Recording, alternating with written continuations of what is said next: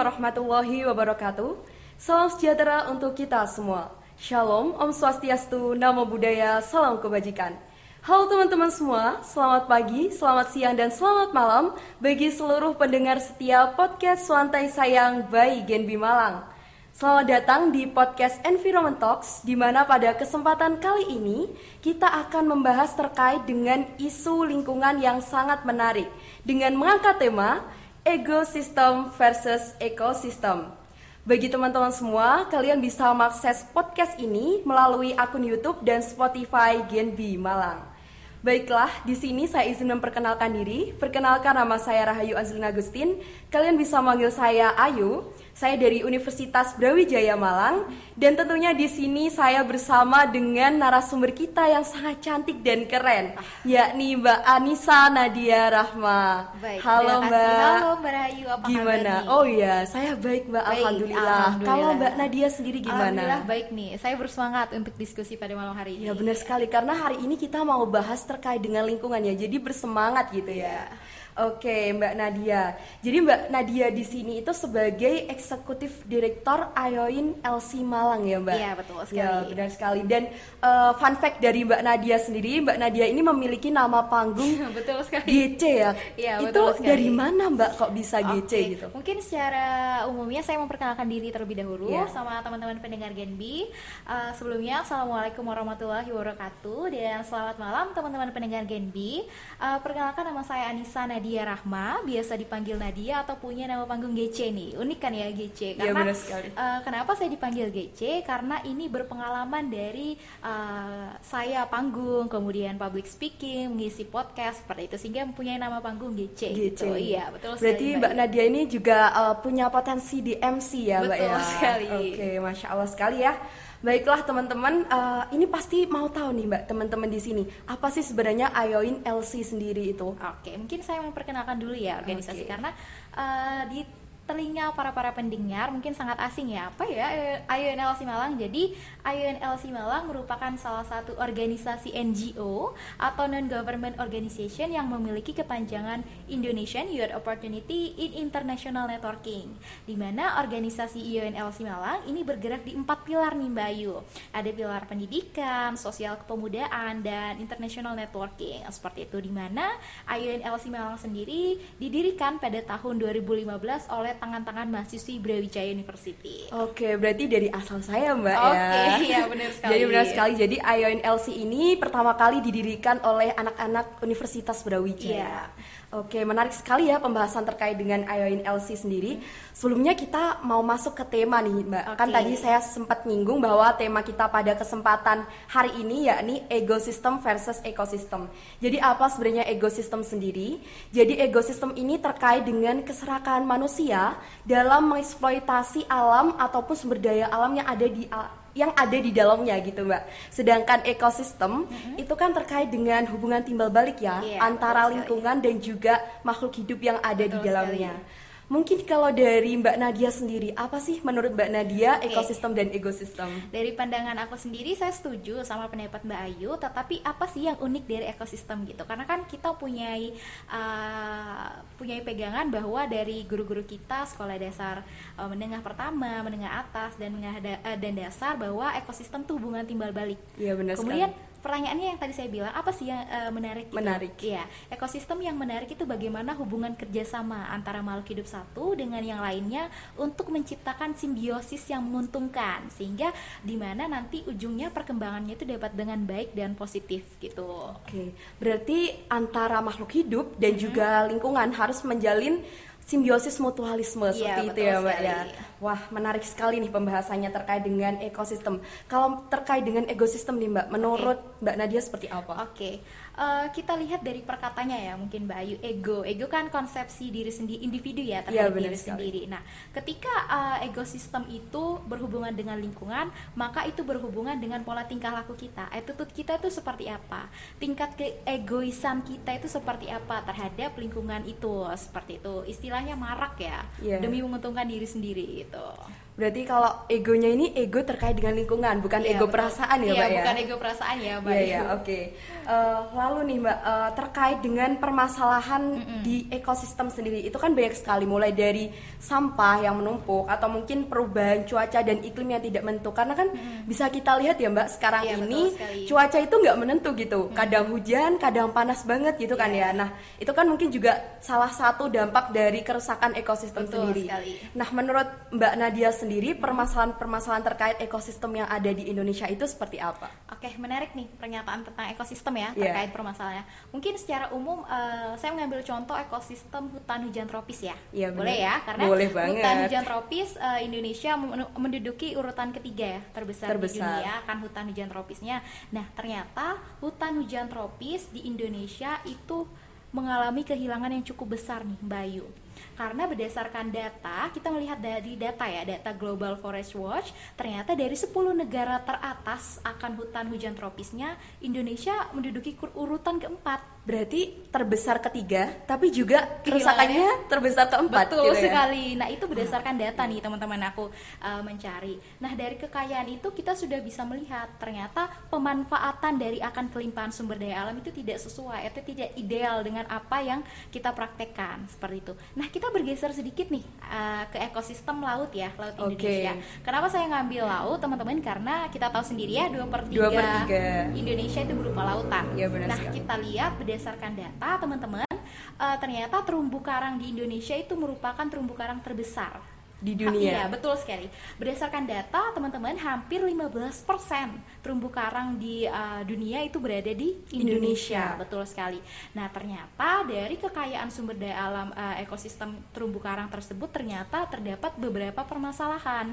Kita ambil uh, permasalahan terumbu karang yang ada di Nusa Penida ya, Nusa Penida. Bali. Betul sekali di Bali karena memang banyak ya Iya, di benar sana. sekali. Nah, ternyata kerusakan itu hampir 35,15% menurut LIPI, Lembaga Pengetahuan Indonesia tahun 2017. Saya melihat datanya ternyata rusaknya itu cukup parah. Kita bergeser ke belakang. Kita lihat apa sih penyebab dari rusaknya terumbu karang? Iya. Ternyata dari ulah manusia. Ulah manusia. betul sekali. Dari mulai jangkar kapal, kemudian eh, pariwisata. Nah, yang saya tekankan itu di pariwisata. Pariwisata memang sektor utama Iya, benar pendorong sekali. ekonomi Indonesia Iya. ya Mbak Ayu. Nah ternyata eh, ketika para wisatawan lokal maupun asing eh, melakukan eh, pariwisata kepada terumbu karang ini ternyata tidak mengidahkan kode etik pariwisata bawah laut. Nah kode etiknya itu gini. eh, jarak antara kita dengan objek terumbu karang itu harus 3 meter jarak jauhnya. Seharusnya 3 meter gitu ya, Seharusnya Mbak? 3 meter Iya. ternyata secara nyatanya tidak. Bahkan ada yang memegang dan uh, melakukan dokumentasi itu yang paling parahnya Hmm. seperti itu. Bahkan uh, untuk pemulihan terumbu karang ini sendiri Mbak Ayu hampir uh, berpuluh-puluh tahun untuk bisa Wah, pemulihan. lama juga ya, itu. Mbak, ya? Iya. Berdasarkan data itu hampir 10 tahun untuk pemulihan iya. terumbu karangnya saja. Bagaimana dengan nasib hewan-hewan yang tinggal di terumbu karang? Iya, Gitu ya. terutama ikan-ikan kecil ya, Mbak. Iya, Karena kan sekali. tempat habitatnya dari ikan-ikan kecil itu kebanyakan ya di terumbu karang itu Iya gitu. betul sekali. Nah ditambah gini, para wisatawan itu memberikan makan kepada hewan-hewan kecil yang ada di uh, sekitar terumbu karang. Padahal itu nggak boleh sama Nggak sekali. boleh sebenarnya. Iya, itu mematikan insting saraf pemburuan dari Iya. hewan-hewan yang ada di Padahal sana. Kasih makan ya, Mbak, tapi Iya, nggak boleh sebenarnya. Menurut orang mungkin positif, Positif ya. Memberi ya, makan, memberi tapi itu nggak boleh sama sekali dalam kode etiknya Oh, gitu. seperti itu. Berarti ada peraturan tersendiri ya Iya. terkait eh, bagaimana cara kita berinteraksi dengan Betul terumbu karang sendiri. Oke, sangat menarik ya ini tadi terkait dengan eh, hutan hujan tropis di Indonesia dan juga terumbu karang. Oke, Mbak. Nah, terkait fenomena pengeksploitasian, Mbak ya. Karena tadi kan kita bahas terkait dengan ini kerusakan yang disebabkan oleh manusia. Nah, itu ini juga nggak ini nggak terlepas dari eksploitasi yang dilakukan oleh manusia gitu ya. Nah, menurut Mbak Nadia sendiri, eksploitasi sumber daya alam di Indonesia itu seperti apa, Mbak?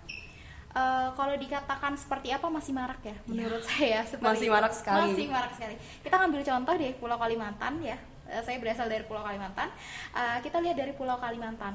Eksplo kalau terdengar eh, di telinga teman-teman pendengar Pulau Kalimantan pasti berhubungan dengan Batu bara, ya. betul sekali batu bara ternyata kelimpahan batu bara itu tidak sesuai pemanfaatannya sehingga menyebabkan eksploitasi. Nah berdasarkan data teman-teman saya melihat data itu lahan yang ada di Pulau Kalimantan itu sebagian besar di sektor pertambangan salah satunya di sektor pertambangan. Nah, padahal uh, menurut peraturan presiden Bayu nomor 3 tahun 2012 ya correct me if I'm wrong teman-teman pendengar itu uh, untuk kawasan vegetasi yang ada di Pulau Kalimantan seharusnya 45% dari luas Pulau Kalimantan. Ternyata uh, secara praktek atau secara nyatanya tidak sesuai. Tidak sesuai ya, iya, ya, Mbak. Lebih sesuai. besar ya. Iya, kebanyakan mereka mengalih fungsikan lahan hutan tersebut uh, untuk jalan tambang, untuk perluasan tambang sehingga oh, menyebabkan kerusakan hutan yang ada di Pulau Kalimantan ini sangat krusial, sangat parah. Kita lihat dampaknya. Bagaimana dengan nasib masyarakat adat? Oh masyarakat berarti di Kalimantan juga masih ada masyarakat masih banyak adat. masyarakat adat yang sangat ber, e, bergantung atau berdampingan hidupnya dengan alam dengan hutan gitu. Nah kalau misalnya hutannya hilang bagaimana nasibnya yeah. gitu loh. Nah terus itu e, hal ini juga akan memicu bencana Mbak Ayu. Kita bayangkan saja hutan hilang e, penahan alami dari bencana banjir itu mudah kan ya. Iya benar nah, sekali. Itu salah satu permasalahan yang paling krusial seperti itu. Mungkin pernah terjadi kekeringan nggak ya mbak? Karena kan hutan ini juga sebagai uh, penyerap air gitu. Betul sekali. Berdasarkan data itu Kalimantan itu mengalami uh, kebakaran yang cukup hebat ya, ya. kebakaran cukup beda dan tahun 2018 kalau nggak salah teman-teman itu Kalimantan Selatan pernah banjir yang sangat besar, besar sekali, sekali. Ya, besar sekali dan itu untuk uh, berdasarkan pengalaman itu banyak mengundang para para stakeholder atau pemimpin buat terjun langsung ke Kalimantan, Kalimantan. Selatan iya betul sekali seperti itu jadi tempat buat ya investasi gitu nggak sih mbak oke okay untuk selanjutnya untuk di Indonesia sendiri Mbak, mm -hmm. apakah kebijakan mengenai pengeksploitasian sumber daya alam ya itu sudah mampu gitu untuk mengikat para stakeholder ya tadi mm -hmm. bicara tentang iya, stakeholder iya, untuk memanfaatkan dan mengolah SDA dengan yang berlebihan gitu atau mungkin saingan gitu lah Mbak jor-joran bahasanya. jor-joran ya yeah. bahasanya.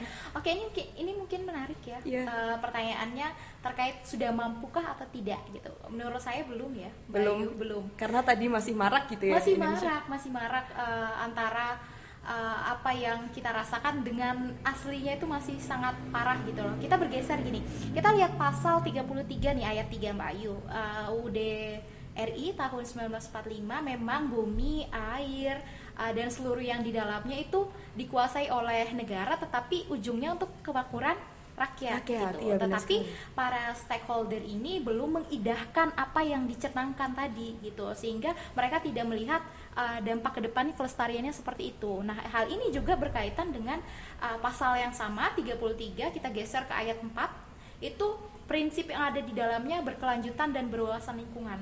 Tetapi idealnya prakteknya itu tidak sesuai, belum uh, memenuhi uh, harapan seperti itu. Oke, berarti intinya masih belum ada pemanfaatan lingkungan mm -hmm. secara berkelanjutan ya, Mbak. Mm -hmm, betul masih sekali. banyak mungkin perusahaan atau mungkin stakeholder yang itu uh, mengeksploitasi alam betul. tanpa memperhatikan keberlanjutan dan kelestarian dari ya, lingkungan itu sendiri. Sesuai dengan pasal 4, dia tidak mengidahkan prinsip berkelanjutan dan berwawasan lingkungan tadi, Mbak. Kalau di Kalimantan sendiri pernah nggak sih Mbak kayak gitu? Uh, pernah tahu nggak? Ada. Ada. Oke. Okay. Terkait dengan apa itu ya? Deforestasi. Oh. Perizinan itu udah ditetapkan, Mbak. Yeah. Perizinan sekian sekian sekian ternyata uh, pembukaan lahan sesuai dengan perizinan itu tidak sesuai. Nah, berarti ada istilahnya uh, tidak sesuai tidak antara sesuai. perizinan dengan pembukaan lahan yang ada di Kalimantan gitu. Itu Berarti berdasarkan realita ya, Mbak. Gitu. Ada mungkin ada unsur-unsur lain gitu ya yang yeah. menyebabkan hal tersebut. Yeah. Oke, berarti masih banyak sekali ya teman-teman di sini terkait eksploitasi alam dan mungkin beberapa peraturan dari pemerintah masih belum diidahkan juga oleh para stakeholder dan, dan juga perusahaan-perusahaan yang bergerak di uh, untuk produksinya itu memanfaatkan sumber daya alam. Betul sekali. Itu. Nah, Oke Mbak, ini tadi kan selain eksploitasi SDA, hmm. itu kan masih ada permasalahan lagi nih di Apa Indonesia. Tuh? Ini ada permasalahan terkait sampah Mbak. Sampah ya, ya pasti. Pasti ini kan. Sampah ya. Pasti banget. Nah di sini Indonesia ini menempati urutan kedua ya, plastik terbanyak di dunia. Sangat memprihatinkan Mbak. Dan itu sampah. baik di laut maupun di daratan. Kalau tadi kan terkait terumbu karang, hmm. ini terkait sampah, Mbak. Jadi nggak cuma terumbu karang permasalahannya di laut, hmm. tapi juga sampah. Nah, kasus yang mungkin ada sekarang ini itu ada di TPA Burangkeng, Bekasi ya. Hmm. Yang diduga itu pengelolaannya itu kurang baik gitu. Intinya kayak amburadul gitu ya, Mbak. Ya. Amburadul ya, ya bahasanya. Ya, bahasanya gitu. Nah, tak tanggung-tanggung itu bisa ini sih Mbak perharinya itu 20 ton Mbak 20 per hari ton? iya itu Wah. masih per hari ya Masih per hari ya. belum lagi kalau berhari-hari itu berapa ton gitu kan nggak bisa membayangkan pasti itu memakan lahan yang cukup besar gitu dan diperkirakan itu butuh lahan mencapai 11,6 hektar 11,6. Waduh, Iya. besar banget besar itu, banget karena ya. di sini Mbak Nadia kan juga anak geografi pasti Iya. tahu nih ya sebesar apa gitu kebutuhan. Nah menurut dari Mbak Nadia sendiri permasalahan sampah di Indonesia itu seperti apa gitu menanggapi permasalahan sampah yang ada di Indonesia? Oke, berbicara tentang sampah unik sih. Karena Iya. memang ini selalu yang krusial banget permasalahannya. Sebenarnya stigma masyarakat sampah adalah musuh itu nggak sesuai sama saya. Yang saya kebanyakan menangkap tuh stigma masyarakat sampah adalah musuh, sampah adalah musuh. Padahal enggak. Kalau kita tahu cara pengelolaannya dengan baik dan benar. Seperti itu. Nah, eh, berdasarkan dari TPA Burangkeng ya, Iya, TPA TPA Burangkeng itu Bekasi Jawa Barat ya Mbak Iya, ya? benar. Nah, itu dari segi pemerintah saya pernah membaca datanya, saya pernah membuka, mereka sudah mencanangkan bank sampah di sana. Di sana namanya Bank Sampah Rosella ya, correct me if I'm wrong, teman-teman pendengar. Bank Sampah Rosella itu salah satu upaya dari pemerintah. Kemudian ternyata eh, ketika dicenangkan upaya dari pemerintah masih sampahnya masih belum bisa teratasi, Teratasi. gitu loh. Bahkan sampai memperluas hektarnya ya tadi ya. Itu, memperluas lahan. ah, itu menurut saya butuh eh, sentuhan dari masyarakat sana. Bagaimana masyarakat mempunyai pola pikir eh, pengelolaan sampah dengan baik dan bijak. Bisa saja sampahnya sampah rumah tangga kita ubah ke magot ya. Iya, Magot, benar sekali. iya, Banyak sekali ya sekarang eh, magot. pakan unggas, pakan jangkrik seperti itu, ataupun bisa dijadiin eh, biomasa ya. Karena memang di eh, correct me if I'm wrong, di daerah Bontang itu sampahnya dijadiin biomasa sama Oh, masyarakat iya. sekitar. Jadi Kalau bisa biomasa gas itu ya, ah buat apa Mbak? buat masak Buat sama masak. masyarakat sekitar situ. Jadi sampahnya uh, namanya teknologi RDF ya, refuse, refuse deriving fuel kalau nggak salah teman-teman pendengar itu bisa dijadiin dari sampah ke biomasa tersebut seperti Berarti nggak but nggak butuh gas ya Mbak buat masak gitu, gas bisa gitu. jadi energi terbarukan kan Oh, kalau ya, dari bisa jadi sampah, energi iya. alternatif gitu iya, ya. bisa jadi seperti itu makanya uh, terkait permasalahan yang Mbak Ayu bilang itu butuh sentuhan antara kolaborasi pemerintah dan juga masyarakat gitu jadi tidak ada uh, pemikiran bahwa sampah itu tumpuk buang tumpuk buang gitu harus Iya. dilakukan pengelolaan apalagi plastik ya Iya, plastik yang kita tahu pasti butuh hancurnya itu kan lama Butuh lama ya Mbak. sekali. lama sekali apalagi styrofoam teman-teman styrofoam itu sampah sejati nggak bisa hancur Nggak bisa hancur ya, Mbak? hancur lebih parah dari plastik Apalagi banyak sekali kayak acara-acara yang pakai Yang masih iya, pakai plastik. styrofoam Ah, gitu, pakai ah. plastik kan. Mm-mm. Iya. tapi untuk uh, berdasarkan pengalaman saya dan data masih uh, di pulau eh sorry di Indonesia di beberapa pulau sudah ada yang menerapkan uh, say no to plastik jadi no. Uh, uh, jadi uh, pemerintah menerapkan bahwa ketika kita berbelanja di minimarket atau supermarket itu sudah tidak boleh memakai plastik jadi bawa wadah sendiri Iya, iya, iya. itu mungkin masih di beberapa pulau, beberapa pulau, saya tidak ya. melihat datanya di keseluruhan pulau seperti itu Ya, karena kebetulan di daerah saya masih pakai plastik, Mbak. Oh, masih Iya. pakai plastik. Iya, jadi Mbak di- Ayu sendiri di- dari daerah Malang. Bukan, saya dari Tulungagung. Tulungagung, Jadi oke. di situ Indomaretnya itu juga masih menawarkan gitu. Oke, pakai plastik nggak Mbak gitu Oke, kan? berarti salah satu supermarket Iya. itu masih Iya, pakai masih. uh, plastik ya. Iya, saya kebanyakan dari, besar. Uh-uh, kebetulan saya dari Pulau Kalimantan. Uh, pemerintah sana sudah say no to plastik, jadi kita ke mana-mana harus bawa uh, harus bawa bag ya, bag goodie bag gitu.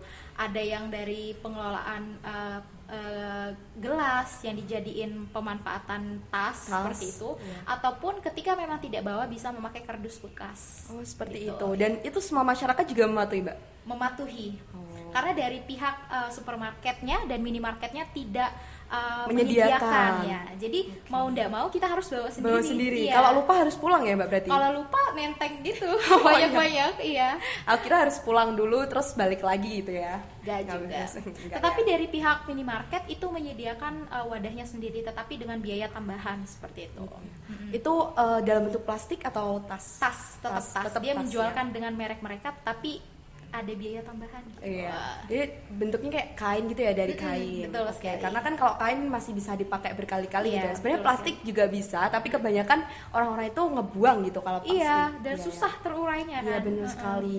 Jadi eh, teman-teman pendengar di sini intinya jangan memandang sampah sebagai sebuah hal yang negatif, tapi Mm-hmm. jadikan sampah itu sebagai hal yang mungkin eh, bisa bermanfaat ya Iya, buat betul kita sekali. semua. Oke, itu tadi ya terkait pemanfaatan sampah juga. Dan untuk selanjutnya nih Mbak, jika dilihat dari dua fenomena lingkungan yang kita bahas tadi ya, mulai dari pengeksploitasian SDA dan juga ada juga permasalahan sampah. Nah, dari itu pendapat dari Mbak Nadia itu seperti apa sih dampaknya gitu ya? Karena kita tahu itu menimbulkan dampak yang cukup buruk dan negatif gitu. Kalau dari Mbak Nadia sendiri gimana pendapatnya? Dampak dari segi apa nih? Dari mungkin dari masyarakatnya gitu loh, eh, dampak negatifnya bagi masyarakat seperti apa kalau terkait dengan eksploitasi SDA dan juga eh, permasalahan sampah ini? Oke, mungkin dampaknya itu bagi kesehatan salah satunya. Oh, kesehatan ya benar Iya, sekali ya. kesehatan. Ketika sampah ketika sampah ditumpuk dan Iya. dibiarkan begitu saja, itu akan uh, menjadi wabah penyakit Iya benar. wabah benar. penyakit bagi masyarakat yang tinggal di daerah Di daerah tersebut. tersebut. Iya, betul sekali. Mungkin salah satunya itu kesehatan dampaknya. Apalagi di daerah TPA ya, Mbak. Betul sekali, banyak sekali kan data-data yang teman-teman pernah lihat ataupun pernah baca bahwa masyarakat yang ada di TPA besar ya, TPA besar itu mempunyai eh, penyakit, yang berhubungan dengan paru-paru. Paru-paru, Iya, iya. betul sekali. Kesehatan kulit salah satunya. Iya benar sekali karena kan mungkin air-air di sana juga tercemar gitu ya Betul sama sekali. sampah-sampah di situ. Karena Betul. kan kalau uh, melihat data gitu ya Mbak, kebanyakan kan sampah di Indonesia ini sampah organik gitu kan Betul. ya. Nah, itu kalau di Kalimantan sendiri terkait dengan maggot ya Mbak. Bahas Betul. lagi terkait dengan maggot. Apakah sudah diterapkan gitu di Kalimantan? Eh, untuk Kalimantan sendiri saya berdasarkan pengalaman saya dan data untuk itu belum ya Belum ya, masih kalau belum. itu saya setahu saya di daerah Pulau Jawa ya Iya. Pulau Jawa masih eh, sudah menerapkan, Sudah menerapkan. limbah rumah tangga ke maggot tadi Oh iya Gitu. iya iya. Berarti uh, limbah rumah tangga berupa sampah organik pun bisa dimanfaatkan nggak cuma jadi pupuk tapi Betul. juga bisa dari uh, buat pakan maggot, terus magotnya buat pakan unggas. Betul terus sekali. unggasnya bisa dijual. Betul ya, sekali. sangat bermanfaat sekali jadi ya harus ternyata. pintar-pintarnya Iya, kita kreatif ya mengelolanya seperti apa Nah, uh, terkait dengan itu tadi ya Mbak, uh, kita itu sebagai manusia itu seharusnya gimana sih hidup berdampingan dengan alam sendiri? Oke, hidup berdampingan dengan alam itu tadi makanya temanya ekosistem versus ekosistem. Iya, ya. kita sekali. harus menurunkan ego kita, kita harus memiliki uh, kesadaran diri. Pola pikir saja tidak cukup, kita harus punya uh, kesadaran Keinginan, diri, iya keinginan keinginan juga. diri bahwa kita ini hidup berdampingan dengan alam. Kita harus uh, memberikan yang terbaik dengan alam karena alam memberikan yang terbaik untuk, Untuk kita, kita. gitu. Karena ketika alam pun rusak, kita pun nggak ada wadah gitu ya Mbak untuk hidup. iya, Jadi betul sekali. mau ke mana kita gitu kan? Kalau alamnya rusak, Alam rusak akan berdampak sama apakah kita juga. Iya benar. iya. Apakah kita harus berpindah ke Mars nggak? itu yang biasanya yang sedang marak-marak Iya marak ya. sekali ya. Kalau misal anak-anak jomblo gitu eh, pindah, pindah ke Mars ke Mars aja, aja. aja gitu ya. Padahal nggak tahu nih di Mars gimana keadaannya. Oke. Oke Mbak, Eh, tadi kan kita sudah bahas terkait dengan eksploitasi sumber daya alam Betul sekali. dan juga terkait dengan permasalahan sampah di Indonesia. Nah kita beralih nih ke pembahasan selanjutnya, yakni terkait dengan komunitas dari Mbak Nadia sendiri, menarik yakni. Ayoin LC Malang. Betul nah, sekali. kalau dari Ayoin LC Malang sendiri, apakah sudah ada project ataupun ada kegiatan-kegiatan yang terkait dengan eh, cara untuk bisa mungkin eh, bermanfaat gitu bagi lingkungan? Oke. Eh, untuk IUNLC Malang itu kan ada tiga program ya Mbak, ada mandatory program, ada, ada additional program dan juga social charity. Nah di mandatory program ini merupakan eh, program wajibnya IUN, jadi setiap tahun pasti ada gitu. Nah salah satunya PM atau Peduli Malang. Peduli Iya Malang. betul sekali. Peduli Malang ini merupakan program kerja yang langsung kita turun tangan ke Turun tangan masyarakat. ke masyarakat. Iya betul sekali. Iya. Nah, untuk yang berbau lingkungan ya tadi pertanyaannya. Untuk tahun kepengurusan yang lalu memang kita turun tangan langsung ke rumah Tunas Belajar Bangsa di Kecamatan Sukun. Langsung turun ke Iya. anak-anak gitu. Nah, kita ngapain? Kita memberikan edukatif kepada adik-adik di sana tentang bagaimana sih cara pilah memilah sampah yang baik dan benar, mengenal sampah berbahaya dan tidak. Nah, di situ kita memberikan uh, masukan edukatif, informatif kepada adik-adik di sana. Nah, pertanyaannya kenapa sih adik-adik? Kenapa Iya, maksudnya kenapa harus adik-adik gitu, Nah, iya. Karena anak-anak itu stimulus perkembangannya masih terekam dengan baik dan benar gitu loh. Masih mengalami perkembangan dengan laju. Jadi kita berharap ketika kita memberikan informatif dan edukatif kepada adik- adik-adik yang di sana, itu dapat memberikan bekal untuk dia ke depannya. Seperti itu. Tidak hanya edukatif dan uh, informatif, kita melakukan aksi nyata berupa prakarya, Kak. Lukisan Prakarya. di Oh, iya. atas limbah plastik gitu loh Itu limbah plastiknya apa kak? gelas Oh, gelas, Nah, gelas. jadi kita jadi dia mengenali oh bisa dibuat menjadi hiasan loh akhirnya. Gelas kaca itu. ya ini? Mm-mm, gelas kaca. Iya. Bisa dibuat menjadi hiasan, buat tempat taruh bunga. Mereka eh, seperti itu bayangannya. Kita juga memberikan gambaran seperti itu. Berarti em, memberikan gambaran kepada Iya, adik-adik. Iya, mulai yang memang adik-adik. em, Mm-mm. masih ada di usia dini gitu Mm-mm, ya. betul Karena kan sekali. biasanya itu eh, perkembangannya itu dari dini gitu kan. Iya, betul sekali. Jadi eh, bi- berharapnya ini bisa jadi habit gitu ya, jadi Mm-mm, kebiasaan betul. dari adik-adik sendiri Betul. untuk bisa memanfaatkan sampah gitu ya. Dengan baik dan benar. Iya ya. benar sekali. Oke. Eh, selain eh, program itu, apakah ada program lain, Mbak dari Ayoin? Oke, sip. Untuk program ke depannya kita memang sudah ada rancangan dan gambaran Bayu, tetapi untuk publikasi kepada teman-teman pendengar mungkin belum belum sampai situ ya. Tapi kita memang sudah ada pegangan rancangan eh, yang berbau lingkungan itu seperti apa. Nanti mungkin bisa teman-teman pendengar Genbi pantengin di media sosialnya Ayun LC Malang. Iya, karena kita biasanya untuk program kerja membuka volunteer. Oh, jadi Iya. buka volunteer nih, teman-teman. Hmm, Iya. Kita menerima volunteer dari luar untuk bekerja sama uh, dengan program yang kita jalankan nantinya seperti itu. Oke, untuk volunteer sendiri biasanya itu eh, yang dijaring itu dari kalangan apa nih, Mbak? Biasanya banyak pendaftar dari kalangan mahasiswa, Oh, tetapi mahasiswa. kita tidak mewajibkan mahasiswa. Kami memberi batasan umur 18 sampai dengan 25 tahun. Oh ya, berarti oh, udah usianya setelah SMA lah ya, mungkin. I- uh, uh. eh, eh, ya. Uh, yang lulus kuliah juga bisa, Juga yang di bawah 25 tahun, tetapi kebanyakan memang pendaftar dari kalangan mahasiswa. Mahasiswa Iya, ya. betul Karena sekali. masih eh, aktif-aktifnya iya, gitu ya. masih gencar-gencarnya. gencar-gencarnya buat cari pengalaman. Betul sekali. Oke, eh, terkait dengan program ini berarti nanti akan dipublikasikan di Instagram ya, media Iya, sosialnya berupa uh-uh. Instagram ya Mbak, Iya. Ayoin LC Malang. Jadi teman-teman mungkin bisa pantengin juga ya Instagramnya Ayoin LC Malang untuk bisa tahu gitu informasi terkait dengan kegiatan Ayoin LC Malang yang itu membuka volunteer ya, Iya, betul untuk sekali. bisa pengabdian gitu ke masyarakat. Intinya Betul langsung sekali. turun ke masyarakat yang membahas terkait dengan lingkungan ya. gitu ya. Eh, tidak kecewa untuk teman-teman yang tidak familiar dengan Instagram, kami juga ada Twitter, Oh, ada Twitter, Twitter, juga ya. mungkin ID, Facebook, gitu. Kita Facebook punya, juga masih iya, ada ya, masih, masih ada, dipakai. pasti. Oke. Jadi teman-teman bisa nih eh, mungkin kunjungin ini ya Media sosialnya media sosial Ayoin, dari iya, Ayoin LC. Malang. Oke, Mbak. Kita beralih dari Ayoin LC Malang ya. Tadi terkait project-projectnya sangat menarik Hmm. Betul. ya. Untuk selanjutnya ini terkait dengan cara mencegah ekosistem karena kan ini tadi ekosistem versus ekosistem Hmm. Betul gitu. sekali. Nah, bagaimana sih cara dari kita sendiri gitu ya, Mbak? Hmm. Mungkin dari pendapat Mbak Nadia terkait untuk ekosistem sendiri, gimana gitu kita eh, menahan ego kita terkait dengan eksploitasi SDA atau atau mungkin alam gitu ya? Iya. Menurut saya ini singkat aja ya Mbak Iya, Ayu, iya. itu harus punya kesadaran diri terhadap lingkungan sekitar. Memang mengubah pola atau memiliki pola pikir dan mengubah pola pikir itu memang sulit tanpa adanya kesadaran. Iya, benar sekali. Mm-mm. Kita harus sadar akan uh, keberadaan kita di lingkungan luas gitu loh. Jadi kita harus menurunkan ego untuk menjalin kerjasama yang itu saya bilang tadi menjadi simbiosis yang menguntungkan. Iya, simbiosis mutualisme gitu Iya ya, Mbak. betul sekali. Intinya kita harus mengurangi ego kita terhadap alam gitu ya. Intinya eksploitasi terhadap alam itu harus direndahkan lah intinya Betul ya. sekali. Kalau bisa dihilangkan gitu ya Iya, Mbak hilangkan. egoisnya. Mungkin egois di sini juga egois tentang alam ya, bukan Iya. egois tentang perasaan. gitu. Bukan ya. Iya, oke. Nah, mungkin dari pembahasan kita ya terkait dengan ekosistem sama ekosistem sendiri, ini saya persilahkan nih kepada Mbak Nadia untuk bisa memberikan closing statement terkait Oke. dengan apa yang kita bahas kali ini. Oke, untuk teman-teman ini sudah stake eh, terakhir ya? Iya, benar sekali.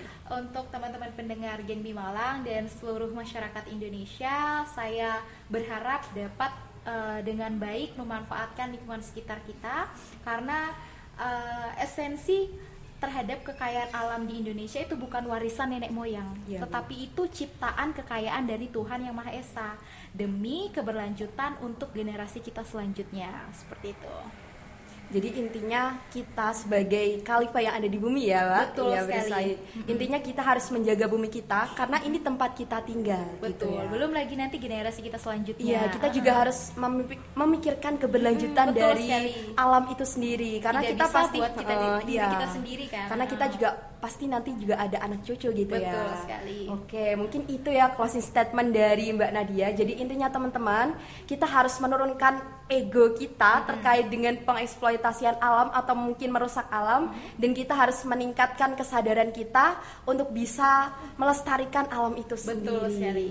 Oke, mungkin saya mewakili seluruh panitia yang bertugas ya Mbak, berterima kasih kepada Mbak Nadia Terima karena telah kembali. berkenan menjadi narasumber kita pada podcast kali ini yang keren banget ya hari ini kita Betul. pembahasannya sangat menarik dan juga harapannya komunitas dari Ayoin LC sendiri bisa berkembang dengan pesat dan juga Ah, bermanfaat bagi masyarakat semuanya gitu ya. Amin. Oke, nggak terasa nih Mbak. Nggak kita terasa sudah ya? iya udah ber- beberapa menit udah berlalu gitu ya Diskusinya ini ya, sangat enjoy menarik ya, enjoy menarik gitu. banget. Nah, iya, mungkin ini dari penghujung acara podcast Mm-hmm. kita kali ini karena ini tadi sudah berakhir gitu ya, Mbak. Mm-hmm. Mungkin dari teman-teman pendengar podcast Swantai Sayang ya, sampai jumpa lagi di podcast Swantai Sayang berikutnya dengan pembahasan yang lebih menarik lagi dan menghadirkan narasumber-narasumber kece dari Genbi Malang. Dan juga eh, jangan lupa ya untuk